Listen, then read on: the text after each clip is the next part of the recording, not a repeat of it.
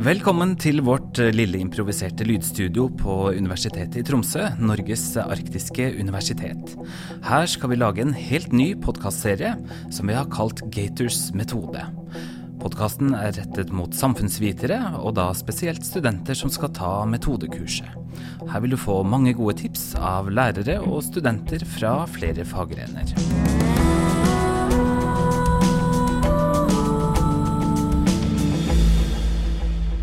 I første episode har vi med en nestor, Markus Buch. Du er førsteamanuensis ved Institutt for samfunnsvitenskap. Velkommen hit, Markus. Takk for det. Du, helt først. Podkasten heter Gators metode. Hva er bakgrunnen for navnet? Bakgrunnen for navnet er en, egentlig en pussig historie. Det var vår avdøde kollega Geir Runar Karlsen som eh, da han var stipendiat, så dro han til Everglades i eh, Florida for å drive feltarbeid.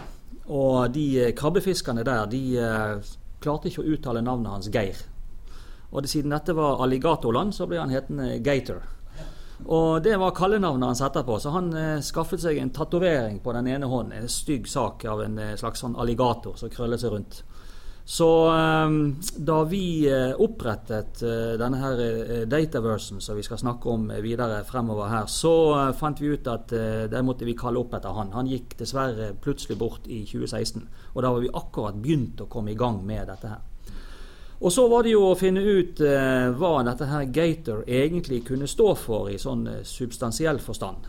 Og hvis vi ser på de bokstavene, så passer det jo bra med geo- og tidskodet åpent register. Altså geo and timecoded open registry. Og det er på en måte grunntanken eh, bak hele det opplegget. Eh, Universitetet i Tromsø var det første i Norge som eh, deltok i det internasjonale Dataverse-nettverket. Der eh, undervisnings- og læringsinstitusjoner forplikter seg til å legge datasett åpent tilgjengelig for allmennheten i et internasjonalt nettverk styrt fra eh, universitetet Harvard University under Gary King. Mm. Og det som hele poenget er at eh, vi legger dataene der helt åpent. Vi har visse krav til disse dataene. De skal være geokodet. Dvs. Si at enten så kan de være knyttet til f.eks. land eller regioner eller kommuner, eller helt sånn nøye etter GPS-koordinater, f.eks. Men det må være en eller annen territoriell kode eh, på disse dataene. Og så må de være tidskodet. Eh, vi må vite tidspunktet vi har de fra. Og med utgangspunkt i det så kan eh, alle laste ned dette her helt fritt og bruke det som grunnlag for å legge på egne data for egne prosjekter. Eh, og det er det vi oppfordrer eh, studentene til å gjøre. Og Det er en viktig del av metodeundervisningen at de skjønner at eh, disse datasettene som de får seg presentert, det er bare et rammeverk for videre utforsking på egen hånd. Nettopp, og det skal vi snakke mer om. Hvilket utbytte håper du studentene skal få av podkastserien her? Ja, Det jeg håper, er det at eh, for det første at eh, de skal skjønne at det finnes enorme store mengder data eh, som produseres av samfunnet. Eh, vi har f.eks. i Norge verdens største kommunedatabase med over 350 000 variabler som eh, går tilbake til 1700-tallet med enorme mengder data knyttet til kommunenivå. Det produseres eh, bare på økonomisiden mer enn 3000 variabler hvert år knyttet til kommuner. Og dette kan de bruke til, eh, til utforsking, til samfunnsvitenskapelige spørsmål. Eh, og de kan legge kart på, slik at eh, de kan eh, undersøke hvordan samfunnet ser ut gjennom disse her databasene. Så Det er det vi håper. De skjønner at vi er ikke noe interessert i at de liksom skal oppfatte at metodeundervisningen det er noe som foregår i et lukket laboratorium på universitetet, som ikke har kontakt med samfunnet utenfor. Tvert imot. Vi vil at de sjøl skal finne data. Mm. Um kvantitativ metode er jo frykta blant eh, noen av studentene, jeg har hørt. Hva, hva er belønningen, hva er payoffen hvis du, hvis du lærer deg å mestre det ordentlig? Altså, for, eh, som, som, en eh, kollega Arne Kommusrud pleide å si, altså studentene må da for første gang tvinges til å tenke logisk. Det er egentlig det største utbyttet man, man får ved det. Men eh, det man egentlig gjør, det er det at man tallfester sosiale fenomener. Vi setter tall på ting som ellers kan være betegnet f.eks. som mann-kvinne. Det blir sånn null og én. Eh, og, og, så kan det være data som har, eh, er naturlig tallfestet, som månedsinntekt og den type ting. Eh, det vi da gjør, er det at eh, vi omformer de fenomenene vi observerer, til et universelt internasjonalt språk som er matematikk. Eh, og så har vi, som de fleste land i verden, opp gjennom historien valgt et titallssystem. Altså, de gamle summerende de, opererte med helt annet tallsystem, og da ville det sett annerledes ut. Så vi tar de fenomenene som vi observerer, putter de inn i matematiske modeller, og så får vi ut et resultat som vi da tolker tilbake igjen til kvalitative størrelser i samfunnet. Eh, det er det man, man får et universelt språk som brukes over hele verden, og metodene er helt like. Alle eh, vitenskaper bruker samme type metode, enten det er medisin, fysikk, samfunnsvitenskap, språkvitenskap osv. Så det er eh, den, det store, store utbyttet man får. Så hvis du mestrer metodefaget, så åpner det seg opp et vell av jobbmuligheter òg, kanskje da? Det er akkurat det det gjør, fordi det er skrikende mangel på folk som kan beherske disse tingene.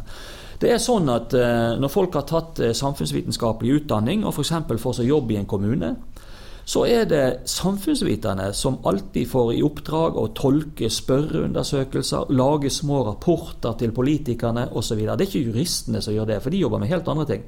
Sosionomene jobber med helt andre ting. Det er alltid samfunnsviterne som får den type oppdrag. Lage kart, f.eks.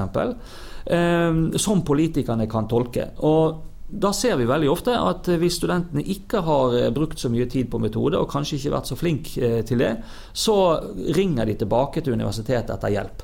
Og det er også sånn at eh, Vi har mange ganger hatt folk som har tatt utdanning her, har tatt hovedfag og master, og kom tilbake igjen for å fortelle hvordan det har gått i arbeidslivet. Og de sier alltid det de har hatt mest bruk for, det var metodefaget. Jeg er jo journalist og jeg er misunnelig på, på, de som lærer seg metodefaget. Det, det hadde vært gull verdt i mitt yrke òg.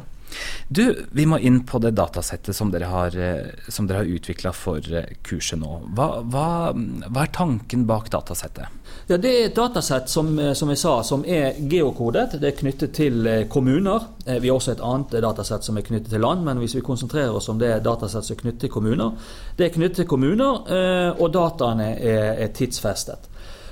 Og Dette er da et rammeverk for at studentene skal sjøl kunne legge på egne data.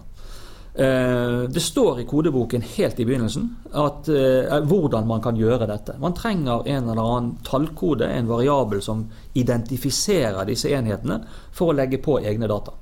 Og så eh, kan man da analysere. Bruke dette datasettet til å kjøre noen enkle analyser. vi har valgt å fokusere på koronasmitte, på covid-situasjonen. Eh, og f.eks. man kan stille spørsmålet den her såkalte søringkarantenen, hadde den noen effekt? Og Da viser det seg at eh, hvis vi ganske enkelt ser bare på den, så tilsynelatende ser det sånn ut. Men som forskere så må vi jo da kontrollere for en rekke andre faktorer. F.eks. sånn som kommunestørrelse eller hvor spredt folk bor. Og trekker vi inn de faktorene, så forsvinner effekten av søringkarantene. Så er det mange som vil si ja, men betyr dette noe, da? Ja, det gjør det faktisk. Folkehelseinstituttet de er veldig opptatt av at de tiltakene de setter inn mot eh, koronasmitte, de skal være så presise eller intelligente som mulig. Slik at man ikke rammer unødig. Vi har jo sett i, eh, bare de seneste dagene sant, store protester rundt omkring, Tyskland bl.a., hvor folk protesterer mot tiltakene de er underlagt. Og eh, norske myndigheter vet utmerket godt at hvis ikke man er presise med tiltakene, så eh, mister de troverdighet, og folk vil ikke følge opp. Så dette her er ren politikk. Og for å iverksette presise tiltak, hvor viktig er det da å være i stand til å stille konkrete forskningsspørsmål når man angriper et materiale? Det er jo det som er det aller viktigste. Eh, det aller viktigste er å lære seg til å stille presise og gode forskningsspørsmål som man kan finne svar på i dataene. Og Et veldig godt eksempel er akkurat dette her. har denne søringkarantenen hatt den effekten som myndighetene som iverksatte den, trodde den skulle ha, eller ikke. Og så må vi samtidig nyansere konklusjonen. For det nytter ikke å si det at nei, dette var bare helt bortkastet. Altså, De som traff beslutningen på det tidspunktet For det første så kunne de ikke vite eh, om den ville ha en effekt eller ikke. De hadde grunn til å tro det. Og for det andre så var det et, eh, et tiltak som er relativt lett å iverksette. Det var relativt lett å si det at folk som hadde vært søra for eh, måtte i karantene. Mm. Eh, og det blir vanskeligere å lage presise tiltak. Men i dag, nettopp pga. sånn som det, disse dataene her, så har vi mye mer presis kunnskap. Og det er helt åpenbart at en sånn søringkarantene på den måten den ble iverksatt forrige gang, ikke vil bli iverksatt i dag. Nettopp. Men det var en sånn better safe and sorry-tilnærming i det konkrete tilfellet? Akkurat. sant? Altså, Vi må jo ta høyde for at beslutningstakerne de må treffe beslutninger ut ifra de opplysningene de har på det tidspunktet. Du, hvis vi spoler litt tilbake igjen. Si at eh, jeg er en bachelorstudent, og jeg skal hive meg over metodefaget, og jeg skal angripe datasettet. Det kan jo virke litt sånn overveldende i begynnelsen. Altså, hvor, er det man, hvor, er det man, hvor skal jeg begynne? Skal jeg begynne med å lese kodeboka? Skal jeg begynne å se på parametere? Altså, hvordan, hva vil du råde meg til der? Eh, det aller viktigste det er faktisk å se på selve datasettet. En såkalt matrise der man får opp eh, enhetene på, eh, på, eh, på, på, kolonne, og så får man rader bortover med variabler. Og så må man lese kodeboken for å se hva disse variablene måler. Og så gjøre seg kjent med, med, det, med det, settet. Gjerne se på kommuner. En, en, smart måte er å identifisere sin egen kommune oppi blant alle de andre. Det gjør at man får liksom en føling med hvordan dette her er bygd opp. Eh, så man går frem på flere måter samtidig. Og når man da har lært å gjøre noen enkle analyser, kjøre noen prosentfordelinger eller andre typer mål som vi bruker, som man lærer på kurset, så eh, vil man etter hvert få bedre og bedre kjennskap til datasettet og se hvordan det fordeler seg. Og så etter hvert kan man begynne å lage såkalte kausale analyser og se hvordan ting henger sammen. Eh, F.eks. som hvorvidt det var en effekt av søringkarantenen eller ikke. Så, men det aller viktigste det er å forstå hvordan en datamatrise ser ut. Det virker som det krever en del kreativitet og det her, da. Og se hvordan, hvordan, kan man blåse liv i et materiale som det her? Ja, selvsagt. Altså, det er jo det som er hele poenget, det er der man må stille spørsmål. Uh, og vi, uh, vi, kan jo komme med noen forslag, f.eks. For sånn som dette med søringkarantene. Det var jo opplagt. Men ellers så skal vi jo oppfordre studentene sjøl til å stille spørsmål. Og En veldig enkel måte å nærme seg datasett på, det er jo bare å spørre seg ja, hvordan gjorde min kommune det sammenlignet med eh, likeartede kommuner, eller kommuner som ligner på min kommune. Det er, det er, et enkelt spørsmål å stille. Så kan man jo snakke med bestemor og bestefar og fortelle det at du, nå har jeg funnet ut det at eh, i min kommune her så gjorde vi det litt dårlig når det gjaldt eh, dette med smittevern. Og hvis man spør bestemor og bestefar og kombinerer det med datasettet, så forener du kvalitativ og kvantitativ metode. Ja, men det aller viktigste er at man skjønner det at man må fortelle resultatene ut på en måte sånn at alle forstår det. Det nytter ikke bare å referere noen tall. Man må si liksom konkret hva dette faktisk betyr. Sant? Er det slik at eh, vi i vår kommune hadde større grad av smitte enn tilsvarende kommuner? Og eventuelt, eh, hva kan det skyldes? Eh, det er det som er det viktige. Sant? Tallene i seg sjøl sier ingenting. De må fortolkes tilbake igjen til eh, de fenomenene som vi observerer i samfunnet. Men hvordan skal man svare på et spørsmål som hva kan det skyldes? da? For det forteller ikke nødvendigvis eh, datasettet hele sannheten om. Nei, altså da må man bruke analyseteknikker. Og en enkel teknikk er å begynne å se først om eh, f.eks. sånn de kommunene eh, som eh, innførte søringkarantene, om de slapp lettere unna med hensyn til koronasmitte enn de kommunene som ikke hadde den type karantene.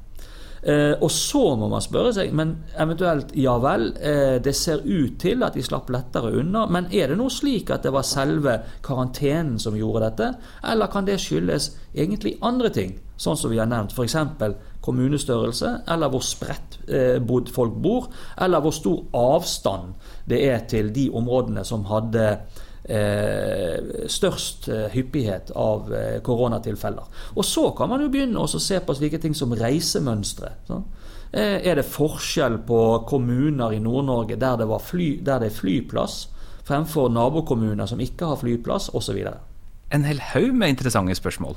Ja, det er det som er poenget. Altså, Man må lære seg å stille spørsmål. og ikke, eh, Vi kommer aldri frem til endelige svar når vi, eh, når vi analyserer denne her type ting. Vi kommer frem til foreløpige svar.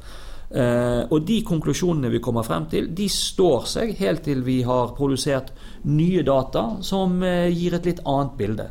Så de, det er alltid foreløpig. Vi, vi, eh, trekker slutninger med en viss sannsynlighet for å ta feil. Og det kan vi også beregne. Det vil, det vil studentene lære under det som heter teoretisk statistikk. Ok, man kommer et godt stykke på vei med dette datasettet.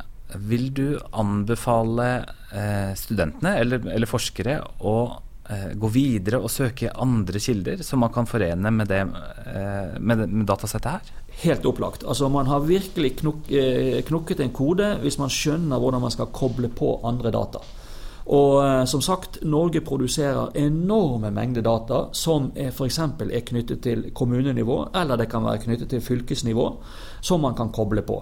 En rekke offentlige institusjoner, sånn som Difi f.eks., eh, produserer jevnlig data som legges på. Og så har vi selvfølgelig Folkehelseinstituttet, som kommer med nye tall for koronasmitte, som produseres jevnlig. Og da kan man legge på nye tall. F.eks. For, for september eller for oktober i dette året.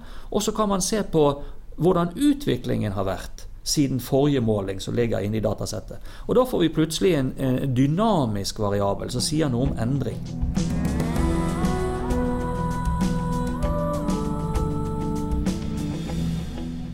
En tanke bak podkastserien er jo at den skal være tilgjengelig for flere faggrener innen samfunnsvitenskapen. Hvor, hvilke fordeler gir det å se litt sånn på tvers utover sin egen lille sfære? Eh, det er alltid veldig store fordeler med det. Eh, jeg sjøl har alltid vært veldig opptatt av det som er territorielle dimensjoner i, samfunnet. Eh, det er slik at vi har et fag som heter statsvitenskap. Det henter jo sitt navn fra statene, og statene er definert ved et territorium. Så det ville være merkelig om ikke man var opptatt av det. Men så finnes det en masse andre fag som også er opptatt av eh, geografi og territorium. Eh, og gjennom kartografiske analyser som kan kobles på disse dataene. Studentene kan koble kartfiler på disse, så de kan, eh, de kan eh, lage kart som viser spredningen F.eks. når det gjelder koronasmitte. Da kan man finne ut av om det er sånn at er det slik at det ser ut til at det smitter fra én kommune til nabokommunene, eller er det mer sånn at reisemønstrene tilsier det at de kommuner som har flyplasser og sånt, får høyere grad av smitte. Så, og, og den, det, Dette er type ting som vi kan finne ut av, hvordan fenomenene fordeler seg. Eh, og Det gjør det jo eh, kjempeinteressant. Eh, og min erfaring er at eh, når studentene også bruker kart til å identifisere eh, kommuner de kjenner fra før av, eh, inni disse her modellene, så blir det kjempebra. Og de kan bruke grafikk, de kan gjøre en masse ting. Eh, og det er også sånn at eh, man kobler da politikk, som da er statsvitenskapen, til sosiale forhold, som er mer i sosiologi. Vi har ressursforvaltning, vi har samfunnsplanlegging. Sånn. Alle kommuner er pålagt å drive eh, planarbeid. Og dette her er kjempeviktig. Det er også sånn at altså, noe av de mest etterspurte kandidatene som vi produserer, det er de som er samfunnsplanleggere.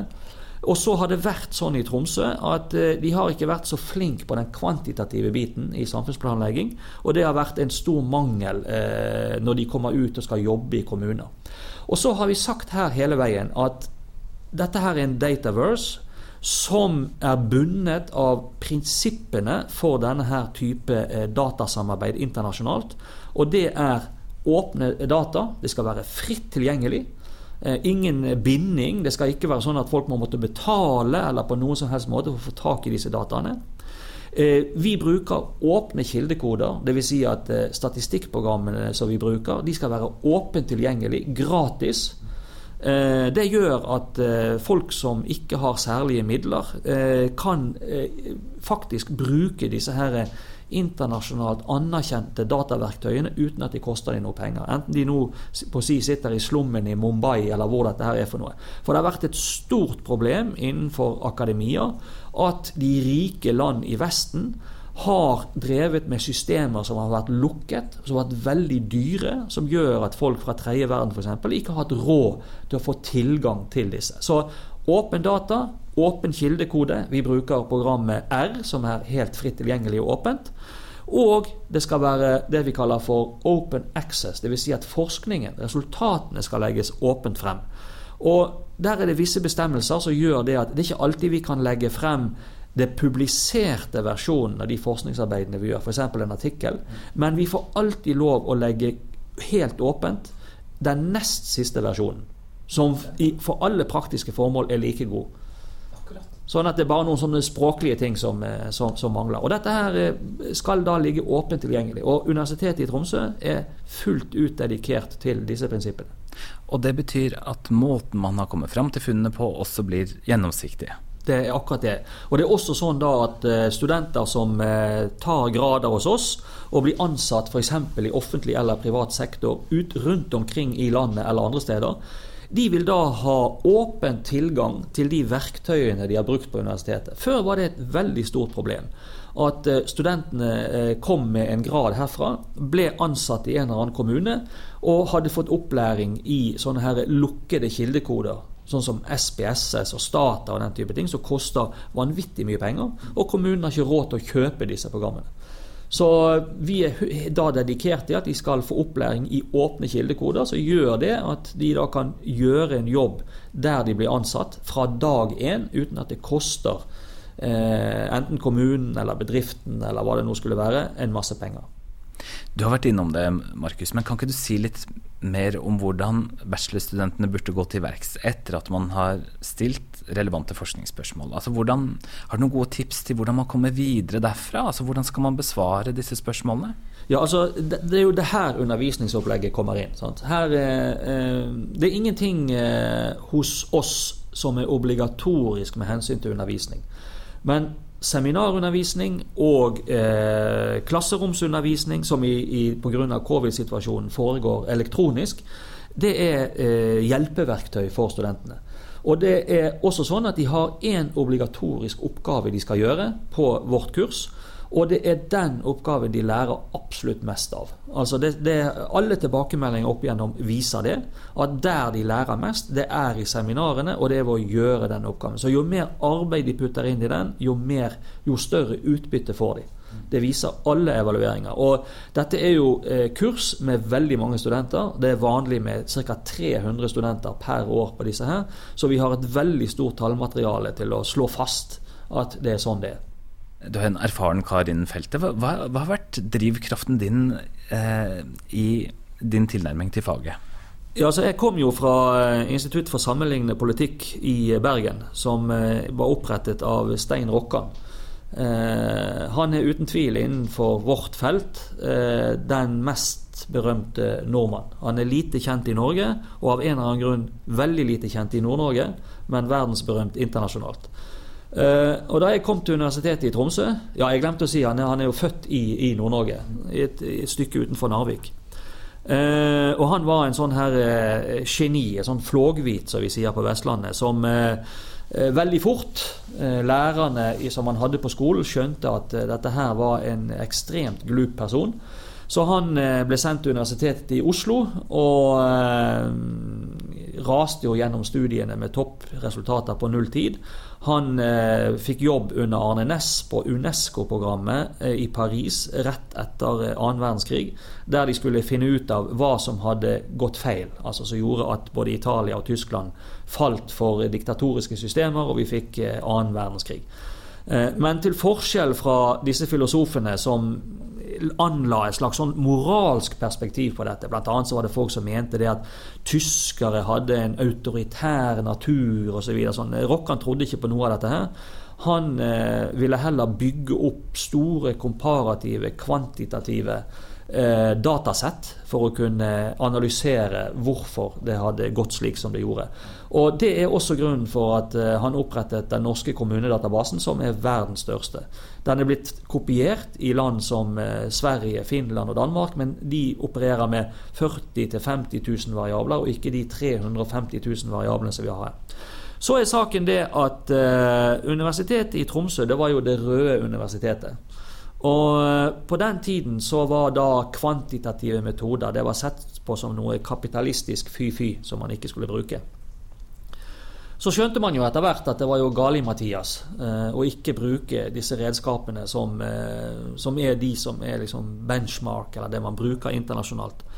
Så Statsvitenskap ble opprettet her 1.1.1994. Og da eh, trengte de folk som kunne ta seg av kvantitativ metodeundervisning, eh, komparativ politikk og internasjonal politikk, som var det som manglet da.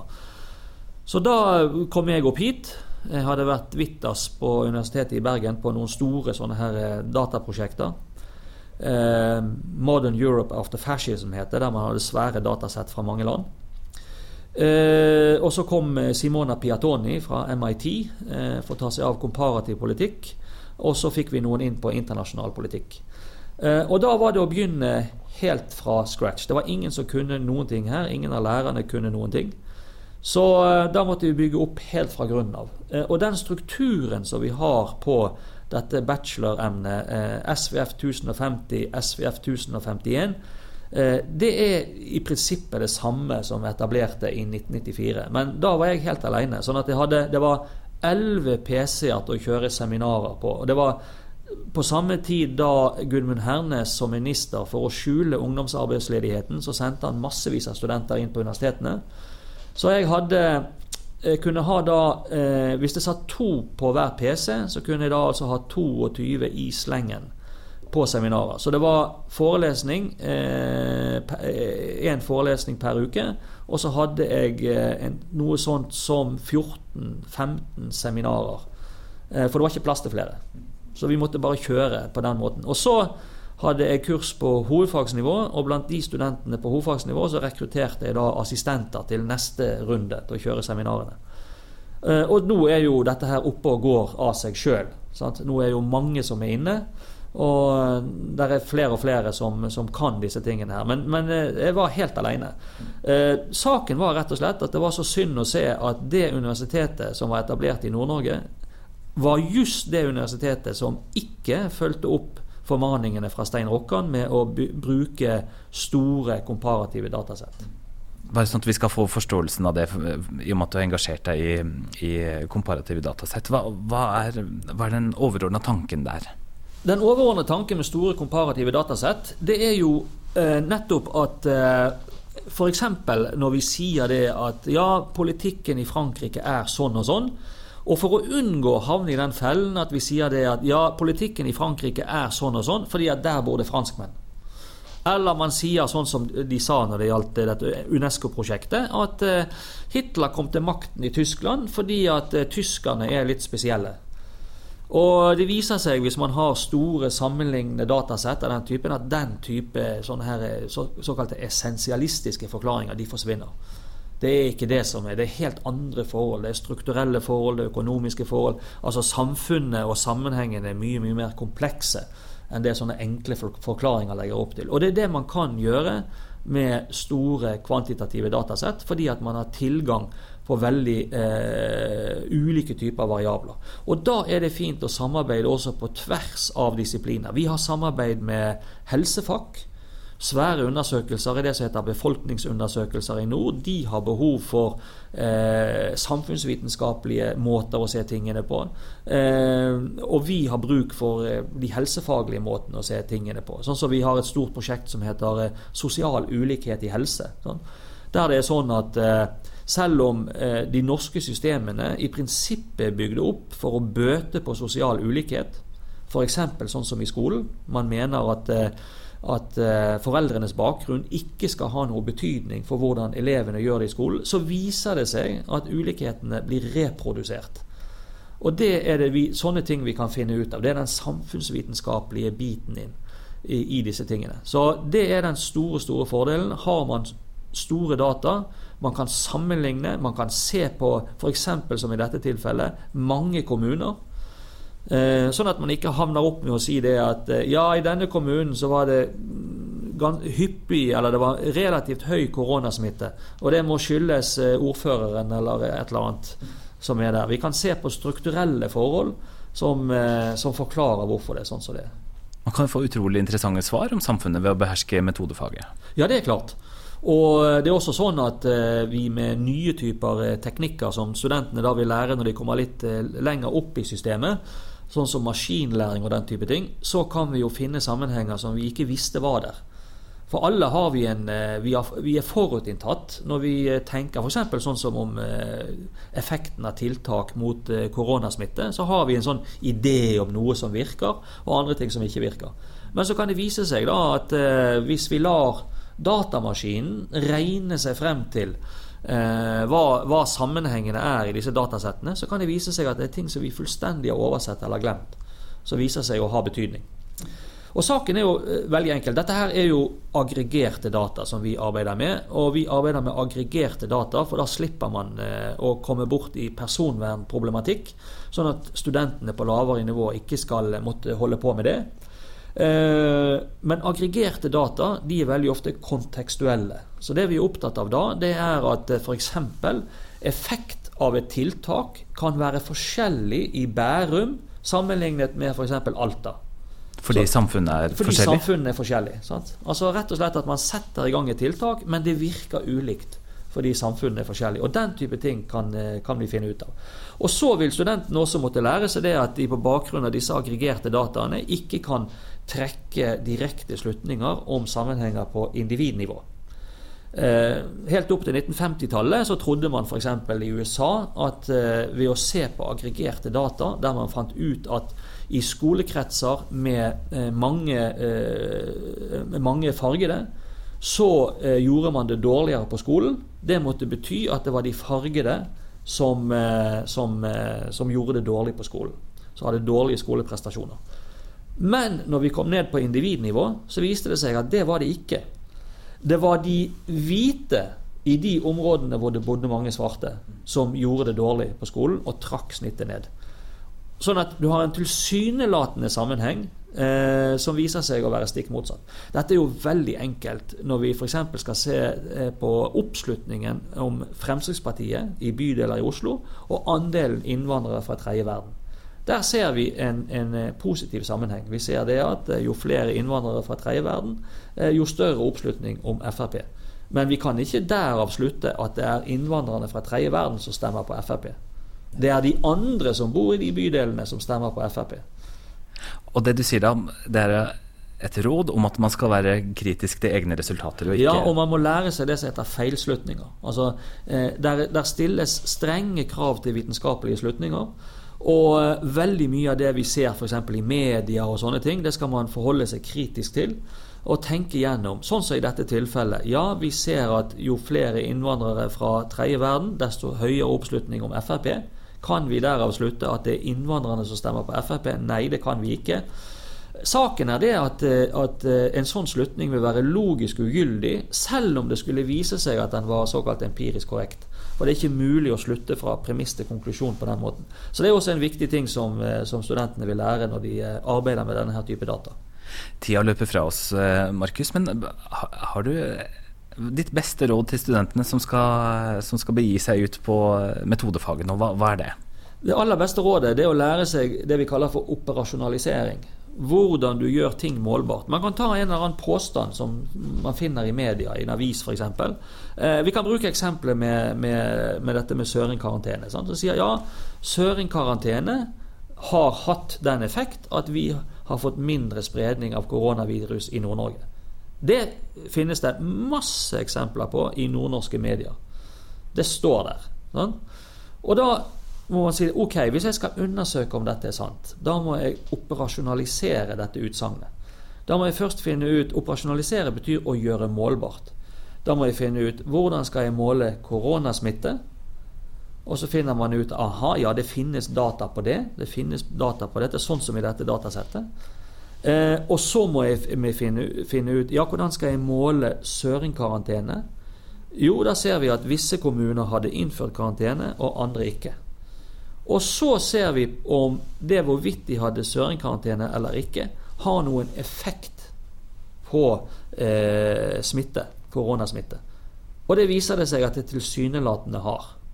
Men så er det da at vi kan trekke inn andre variabler som viser seg at det var ikke søringkarantenen som eh, gjorde at man hadde mindre smitte. Det er andre trekk ved kommunene som gjorde det. Så operasjonalisering det er det aller viktigste som de må lære seg. Hvordan du tar utsagn som du hører, du ser i media, og tenker øyeblikkelig aha. Men hvis jeg skal undersøke sannheten i dette her, så må jeg operasjonalisere utsagnet. Jeg må ta begrepene. Jeg må gjøre de målbare. Og så må jeg putte de inn i en analysemodell, og så kan jeg få ut et resultat. Det tok opp et spørsmål til. Du har nevnt media flere ganger. Hvorfor Hvorfor er det viktig for samfunnsvitere å engasjere seg i det offentlige ordskiftet? Ja, Det er jo kjempeviktig. fordi at, eh, For det første så er det jo sånn at eh, altså dette er jo noe som skattebetalerne har betalt for. Så de har jo, eh, de har jo rett til å få noe tilbake igjen. Og eh, Det å delta i offentlige medier det er veldig veldig viktig. Eh, det, media er en viktig institusjon i det moderne representative demokratiet. Og det er altfor viktig til å overlate til journalistene på egen hånd. Eh, og det er egentlig vår fordømte plikt å i hvert fall gå ut og korrigere når vi oppfatter at eh, der oppstår oppfatninger om hvordan ting henger sammen, som vi nok eh, kan stille spørsmålstegn ved. Eh, og det skjer veldig veldig ofte. At eh, man hopper til konklusjoner i media som det tilsynelatende ser ut holder vann, og så er det vår plikt å korrigere. Og det er også vår plikt å fortelle om hva vi gjør generelt. Eh, og det er også vår plikt å, å svare på spørsmål når journalister tar kontakt. Eh, for de har rett til innsyn i, i, hva vi holder på med, og samfunnet har rett til å vite hva vi holder på med. Markus Buch, vi kunne snakka mye mer, det, det vet jeg, men tusen takk for at du var med i Gators metode. Bare hyggelig.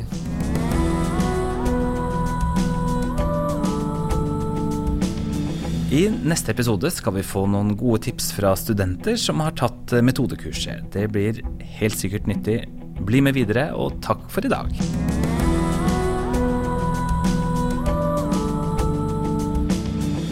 Gaters metode er produsert for Institutt for samfunnsvitenskap ved Universitetet i Tromsø, Norges arktiske universitet, av Prosit Production i samarbeid med 1-til-1 Media. Prosjektleder er førsteamanuensis Camilla Bratland, Produsent er Espen Holm, og Svein Harald Lian står for research og programledelse.